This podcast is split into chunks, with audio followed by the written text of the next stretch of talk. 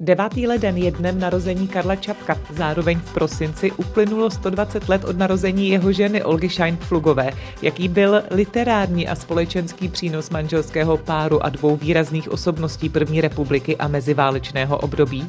Jaké jsou povídky kanadské spisovatelky Mavis Galantové? Její knížku Pozdní navrátilec a dvě další novinky přiblíží naše dnešní recenzentka Hanna Ulmanová. A i v novém roce můžete soutěžit o knižní výhry. Jana Klusáková vám prozradí prozradí novou soutěžní otázku. Knížky plus.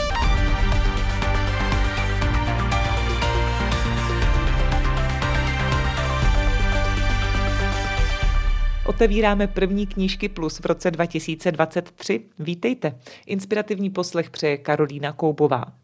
Jaké literární zajímavosti a aktuality přinesl první týden nového roku? Moravskoslezské kulturní ceny Jantar se letos budou nově předávat ve zrekonstruovaném domě kultury Poklad v Ostravě Porubě. Po pěti ročnících opouštějí prostory Auli Gong v Dolních Vítkovicích. Ocenění za hudbu, divadlo, literaturu i výtvarné umění budou předány 17. dubna. Městská knihovna v Praze otevře letos dvě nové pobočky. Velký mlín v Libni v Praze 8 a na Petřinách v Praze 6. Uplynulo sto let od úmrtí Jaroslava Haška. V jeho bydlišti Lipnici nad Sázavou jako připomínku uspořádali průvod od jeho domku na tamní starý hřbitov, kde je spisovatel pochovaný. Vzpomínkovou akci pořádalo město s Haškovými potomky. Účastníky pak pozvali do svého hostince u České koruny. Zamířili tam také členové spolku přátel Josefa Švejka v Karlupech nad Vltavou, kteří svými kostýmy připomněli Haškova dobrého vojáka. Následuje pravidelný pohled na první pětku žebříčku bestsellerů, který sestavuje Svaz českých knihkupců a nakladatelů. Robert Brinza se svou nejnovější krimi Osudné svědectví se stále drží na prvním místě. Stíhán Pavoukem, tak se jmenuje pokračování detektivní série Larse Keplera s komisařem Jonou Linou v hlavní roli. Pomyslný bronz má Kateřina Tučková a její další bestseller Bílá voda o persekuci a internaci řeholních sester v socialistickém Československu, takzvané akci Eř. Hrad ve Skotsku. Další ze série Romantické útěky od Julie Keplinové je čtvrtý a první novoroční pětku uzavírá Simsalabim, totiž promiňte Expecto Patronum, tom Felton, filmový Draco Malfoy, hlavní rival Harryho Pottera, který napsal knihu o tom, jaké bylo dospívání uprostřed natáčení proslulé ságy. Titul s kouzelnickou hůlkou Magické dospívání filmového čaroděje. pondělí si připomeneme 133 let od narození Karla Čapka. V prosinci pak uplynulo 120 let od narození Olgy Scheinpflugové. Právě jim a jejich mimořádnému vztahu bude proto věnován pondělní podvečer 9. ledna a kde jinde než v kavárně Slávia. V jednom z prvorepublikových center intelektuálů a umělců se návštěvníci budou moct seznámit s životem a dílem tohoto manželského, ale i tvůrčího páru. Karel Čapek a Olga Scheinpflugová, dvě výrazné osobnosti, manželé, autoři, respektované persony mladého Československa, tváře kulturního i společenského života. Zatímco k Čapkovi asi netřeba tolik dodávat, Olga Šenflugová je známá především jako herečka Národního divadla. Byla ale také spisovatelkou mnoha knih, divadelních her a filmových předloh. Jaké místo v české literatuře Šenflugová tedy zaujímá, to už mi řekl čapkovský badatel, teatrolog a pedagog Hasan Zahirovič. Během první republiky a i po druhé světové válce Olga byla ve, velmi aktivní v tom divadelním provozu, ale i psala hodně. Její rozsáhlá bibliografie obsahuje skoro veškeré žánry, napsala hodně dětské literatury, má zajímavou básnickou tvorbu, prozaickou tvorbu a musím podotknout, že napsala hodně divadelných úspěšných her. Dneska je především známa podle jejich memoárových knížek nebo knih, protože jsou rozsáhlé, zvláště její český román, který i hned vydala po druhé světové válce a víme, že se ten román dožil několika vydání. Zdůrazňuji román, protože je tam hodně autobiografických věcí nebo prvků a lidi to často pletu a e, beru to za zle nebo říkají, že hodně tam emotivně něco přidávala nebo přehnala v něčem. V žádném případě to nedělala, protože sama zdůrazňovala, že je to román. Dá se říci, že vlastně ta její literární tvorba, i dramatická, byla trochu ve stínu právě Karla Čapka, že Olga Scheinflugová je tak eh, vnímaná především, eh, co se týká divadla, ne už tolik, co se týká literatury tom obecném povědomí? Ona se nestyděla eh, ani nebránila se nějak, že píše pro ženy, jak říkali hodně, že jsou to ženský romány nebo červená knihovna. Eh, ona od toho neutíkala, přeci říkala jsem žena. Eh, a myslím, že možná pořád cítím v naší společnosti, že, že autorky nejsou na takové pozici, jakým by měly být. Samozřejmě Olga Scheinflugová měla jinou kvalitu ve svém díle než Karel Čapek. Karel Čapek byl prostě filozof, pragmatik a věděl, jak na to, aby jeho literatura přežila eh, ne naše století, ale i to další století. Třeba zvlášť Čapková novinářina, která je vynikající a myslím, hmm. že přežije nás ještě další stovku let. Jak eh, se vlastně vzájemně ovlivňovali tu svou tvorbu literární, dramatickou Karel Čapek a Olga Scheinflugová, jakkoliv třeba žánrově v něčem byli dosti vzdáleni. Především Čapek eh, chodil za ní do divadla, třeba bych by tolik nechodil, neměl by čas tolik na divadlo, ale zatím, když Olga studovala role, určitě se museli bavit společně, dělat společně rozbory. Eh, pak, když Čapek právě napsal, zmiňoval jsem ten RUR, eh, o který si nebyl jistý ve smyslu, on právě říkal, jako ona zmínil v českém románu, že napsal takové dráma s postavami, které sice se podobají lidmi, ale nejsou to lidé, nemají duši a tak dále. Ale když to Olga přečetla, viděla prostě v tom obrovský divadelný potenciál, říkala mu, že musí tým i hned utíkat do divadla a víme, že RUR Čapka prosadil do světa. Já neříkám, že Čapek v tom divadle neměl e, jistotu, ale kdo ji má, protože drama se píše, aby se hrálo a Čapek sám říkal, že dokud se ten režisér nedá tu jakousi podobu, tak e, i ten text určitě není e, hotový a víme, že skoro každý svůj text Čapek měnil. Řekněte mi vlastně, jaké bylo společenské a politické angažmá jak Karla Čapka, tak Olgy Scheinflugové. Byli si partnery i v tomto a jak důležití byli vlastně pro konstituování české moderní společnosti? Oni u české společnosti byli od začátku, když si jim představíte Karel od vzniku od roku 18 a i předtím vlastně budoval stejně jako všichni ostatní, kteří budovali to Československo. Když si jim představíte to nejlepší, které vydával v roce 18, 19 a 20 pro děti, pohádky, muše pohádek, které vydával jako přílohu do novin, eh, vánoční přílohu ehm, a vstal s Masarykem u zrodu, eh, byl velmi zodpovědný jak on, tak i Olga Šajmflugová eh, nejen ke, ke svému psaní, ale viděli, že to divadlo eh, je javnou tribunou a že se tam z, z té tribuny dá hodně promluvit a říct k národu. Vlastně její soukromý život byl natolik bohatý, byl naplněn, že byl stále propojen s tím společenským životem. Když mluvíme o Karlu Čapkovi a Olze Scheinpflugové, nemůžeme eh, nezmínit listy Olze. Přesně Jsou dodnes tak. zajímavé? Mm. Jsou, a protože um, třeba pokud někoho zajímá, co právě nebylo pravdivé, nebo co bylo přidáno v českém románu, může tak srovnávat s, s listami. E, navíc já tomu vždycky říkám, je to deník. Pokud badatel něco hledá o Čapkovi, tak především by měl číst listy Olze. Každodenně se psali. Ty dopisy jsou rozsáhlé, jsou krásné a navíc je tam fakt faktografických těch informací moc. Uzavírá badatel se zaměřením na Karla Čapka, teatrolog, herec a pedagog Hasan Zahirovič. Podrobněji se o životních osudech i tvorbě Karla Čapka a Olgy Scheinflugové rozhovoří na pondělním kulturním večeru v pražské kavárně Slavia, která v den Čapkova narození připomíná Olgu Scheinflugovou a její dílo. Posloucháte Knížky Plus. Novinky na pultech knihkupectví, typy a rady pro čtenáře.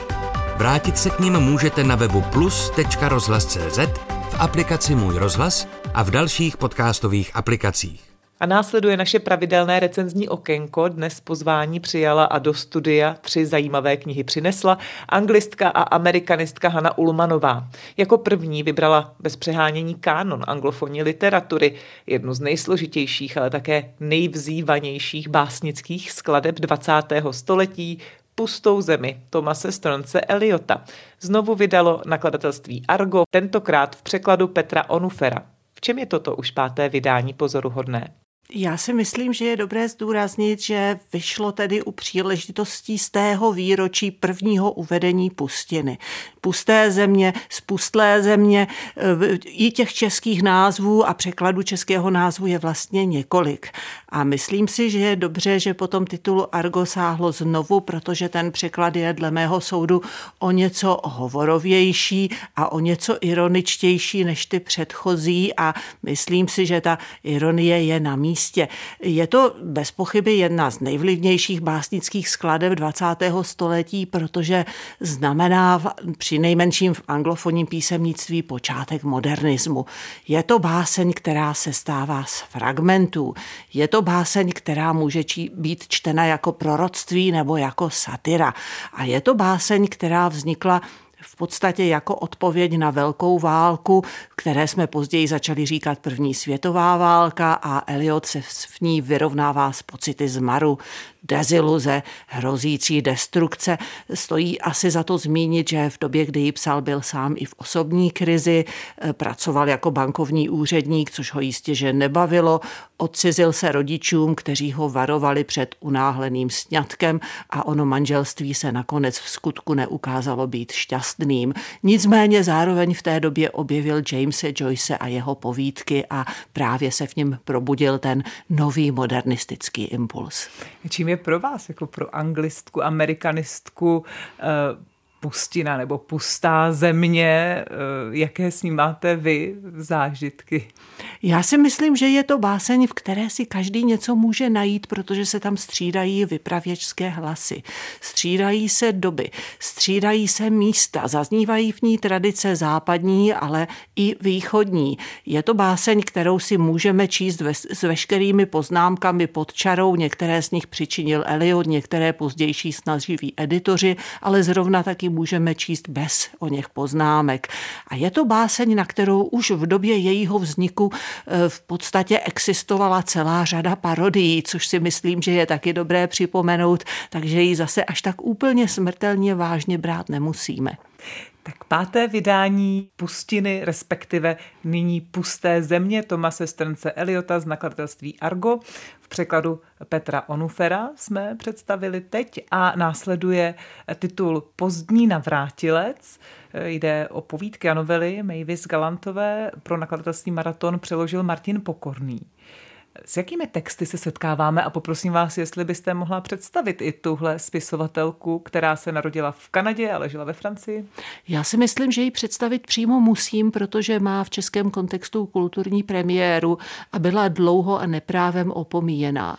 Jednak protože nezapadala ani do toho kanadského písemnictví, ale ani do toho evropského. A za druhé proto, že si velice úzkostlivě chránila soukromí, nedávala rozhovory a i její přátelé přátelé pařížští, s kterými žila vlastně léta v sousedském vztahu, se dozvěděli, že píše povídky poměrně pozdě. Do Kanady se mimochodem její díla dostávala z Ameriky. Je to autorka, která prožila krátké manželství, nikdy neměla děti a po Evropě cestovala velice ráda převážně vlakem a fascinovala ji tady poválečná zkáza a destrukce. Míněno ve smyslu fyzickém, pobořené domy, zničená města, ale i ve smyslu duševním a citovém. Hmm, a to se tedy promítá teď do této knížky Pozdní navrátilec. Říkala jsem, že Jde o povídky, novely. Jaké to jsou texty? Jsou to texty, které eh, někteří spisovatelé označují za texty, které mohou vychutnat jen jiní spisovatelé. Tady se řadí třeba Michael Ondáče nebo Jampa Lahiriová. Myslím si ale, že jsou to texty, které ocení i fanoušci Antona Pavloviče Čechova, protože se tam nic neděje na té linii akce, ale děje se toho spoustu pod povrchem. Eh, jsou to texty, které jsou všechny, eh, což Martin Pokorný udělal byla určitě záměrně zasazeny do Evropy. Kromě Francie je tady třeba i Madrid, e, i, i Velká Británie, i Švýcarsko. A jsou to texty, které se soustředí na osoby neukotvené, což byla konec konců i sama autorka, na osoby, které procházejí jakousi krizí, hledají smysl svého života, potýkají se s nedostatečnou komunikací a mimochodem asi bych to nejlépe ilustrovala na té titulní povídce Pozdní navrátilec. To je e, vlastně překlad německého Spätheitkammer, což je člověk, který se pozdě vrátí z válečného zajetí. V našem případě tedy opravdu o několik let později, než to bylo zvykem z Francie do Berlína zničeného, se vrací mladý muž, aby zjistil, že jeho matka se po druhé vdala, protože chtěla jemu a jeho bratrovi, který se už ovšem nevrátí, zajistit aspoň jakýsi domov. A když se snaží vyrovnat s tím, čím si sám prošel na sousedském dýchánku, mu jeho e, starší e, soused tedy pod vlivem alkoholu sdělí, aby na všechno zapomněl, ale ono to samozřejmě nejde. Takže jsou to osudy lidí, kteří žijí v exilu, často fyzickém, ale někdy i v tom vnitřním. Nevědí, kam patří. I o tom se dočtete v knížce pozdní navrátilec Mavis Galantové eh, vydalo nakladatelství Maraton a přeložil Martin Pokorný. A my se dostáváme ještě k nezaměnitelnému básnickému hlasu, který s prostou krásou dává individuální existenci univerzální rozměr, k Louise Glikové. A touhle její charakteristikou odkazuji na zdůvodnění poroty, proč této autorce v roce 2020 udělila Nobelovu cenu. Předtím získala za své verše i Pulitzerovu cenu. Argo teď vydává její další sbírku Zimní recepty kolektiv autorů. Tak ano, tak zní název. Přiložila Tereza Marková Vlášková. Jaké jsou to verše? Jsou to verše, které autorka psala v době pandemické, jsou to verše, které psala po té, co jí byla udělena Nobelova cena a jsou to verše, které píše v době, kdy sama stárne. A jak asi napovídají ty zimní recepty, jsou to verše, které ohmatávají blížící se konec lidského života a smrt, které se ovšem autorka vůbec nebojí a vnímá to jako součást přirozeného cyklu života. Ehm, ty verše se vlastně zabývají přírodními cykly, ať už jsou to roční období, jaro, léto, podzim, zima, střídání dne a noci, anebo právě narozením a smrtí. E, některé z nich jsou ale třeba i humorné, když autorka vzpomíná na svou sestru, s kterou popíjeli gin s tonikem a sestřičky ošetřovatelky je chválili, že dodržují pitný režim, takže e, rozhodně to nejsou verše depresivní, spíš popisují krásu lidského života a přírody v každém ročním období a v každé chvíli. E, jsou to verše, které jsou univerzální v tom slova smyslu, že autorka nikdy nechtěla být vnímána jako feministka, nikdy nechtěla být vnímána jako židovská básnířka. Vymezovala se i proti spovědní poezii, která jí přišla možná až vulgární a příliš intimní, ale jsou tam zpracovávána témata, s kterými se vlastně setká každý člověk, zejména tedy s tou smrtelností. Hmm. A kdybyste měla říct si i něco k té její předchozí tvorbě, za kterou byla tak eh, oceňovaná, tak eh, co byste tam třeba zmínila? Eh, zmínila bych asi to, že nakladatelství Argo, konkrétně tedy Petr Onufer, který řídí řadu poezie, mělo neobyčejně šťastnou ruku, protože Luizi Glikovou už u nás uvedlo předtím.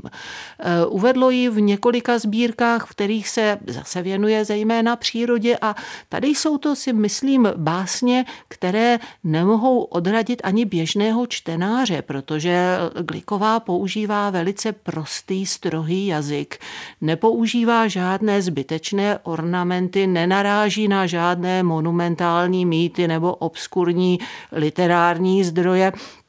Eh, je to verš, který umí být volný, ale umí být i rýmovaný a myslím si, že právě tou prostou krásou se může dotknout v podstatě každého. Takže ti, kteří se domnívají, že na pustou zemi ještě nezdozráli, tak na verše Luise Glikové dozráli určitě.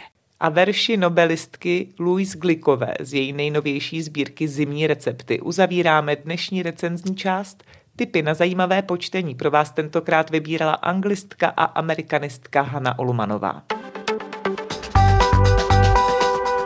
Ke slovu se už ale dostává Jana Klusáková, čili je na řadě soutěž i vylosování výherců, kterým Jana pošle knížky. Rádi se vám hlásíme i v novém roce a všechna vaše milá přání z díky opětujeme. Děkujeme za všechny vaše odpovědi na minulou soutěžní otázku. Správně jste psali, že Šimon Pánek oslavil 27. prosince 55. narozeniny.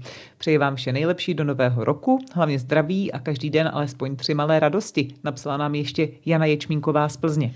Petr Sitar z Bratislavy dodává. Připomnělo mi to, jak ten čas rychle běží. Jeden ze studentských vůdců Něžné revoluce roku 1989 je dnes zralý, angažovaný muž. Klobouk dolů za to, co dokázal. A posluchač z Hradce Králové gentlemansky hodnotí. Šimon Pánek vypadá stále dobře, podobně jako vy obě. Dále jste psali, Šimona Pánka si vážím, takových potřebujeme co nejvíc, pokorných, ochotných jít a konat z knihy Davida Klimeše Aby dobro neškodilo, sestávající z trefně kladených otázek čtenář zjistí, jak pánek vidí vlastní život i humanitární pomoc, včetně uprchlické krize. Dále jste psali. Chtěl bych vám poděkovat za příjemné chvíle strávené každou sobotu u rozhlasového přijímače nad knižními novinkami ve vaší milé společnosti. Do nového roku vám přeji pevné zdraví, dobrou náladu a spoustu spokojených posluchačů, jako jsem já. Následují jména tří výherců knižních novinek. Jsou to Ladislav Voldán, Praha 4, Eva Hartmanová, Hranice na Moravě a Jiří Jedlička, Praha 6. Všem výhercům blahopřejeme a před vyhlášením nové soutěžní otázky vás seznámíme s několika novinkami. Fenomenální horolezec Adam Ondra a jeho příběh.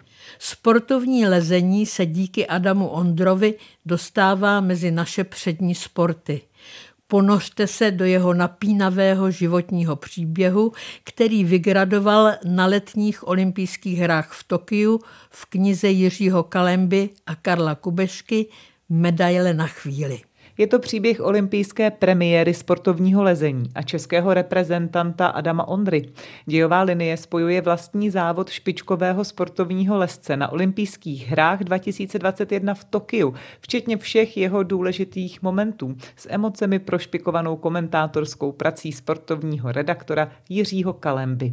Kniha se neomezuje jen na zajímavou zápletku, ale díky rozhovorům s dalšími významnými osobami věnujícími se sportovnímu lezení, horolezectví, ale i sportu obecně, mapuje disciplínu v širším rámci. Publikace si najde čtenáře jak mezi milovníky reálných příběhů z vrcholných soutěží, tak mezi zájemci o faktografii a vhled do tajů zákulisí sportu. Pavlína Brzáková proslula mezi českými publicisty tím, že se vytrvale zabývá studiem kultur sibirských kočovných pastevců. Naposledy v knize Marš šamanů. Kniha vychází v Eminentu s podtitulem Za Putina i proti. Jedná se o příběh jakutského šamana, který se spolu se svým oddílem vydal na dlouhou cestu z Jakutska do Moskvy, aby uskutečnil sen mnoha lidí. Vyhnal z Kremlu Vladimira Putina. Seznámíte se mimo jiné se záslužnou aktivitou nadace Svobodná Buriatia, Svobodné Buriacko. Chcete-li se zúčastnit naší soutěže o knižní novinky, napište prosím vlastními slovy, kdo je šaman. Na vaše odpovědi se těšíme do týdne na adrese Český rozhlas, knížky plus, Vinohradská 12, 120 99 Praha 2, anebo knížky plus, zavináč rozhlas CZ vzkazuje Jana Klusáková a spolu s ní zavíráme aktuální knížky plus. Editorka pořadu Martina Vacková už ale vymýšlí řádky těch příštích. Uslyšíme se zase přesně za týden. Do té doby se opatrujte a čtěte. Pěkné dny příští přeje Karolína Koubová.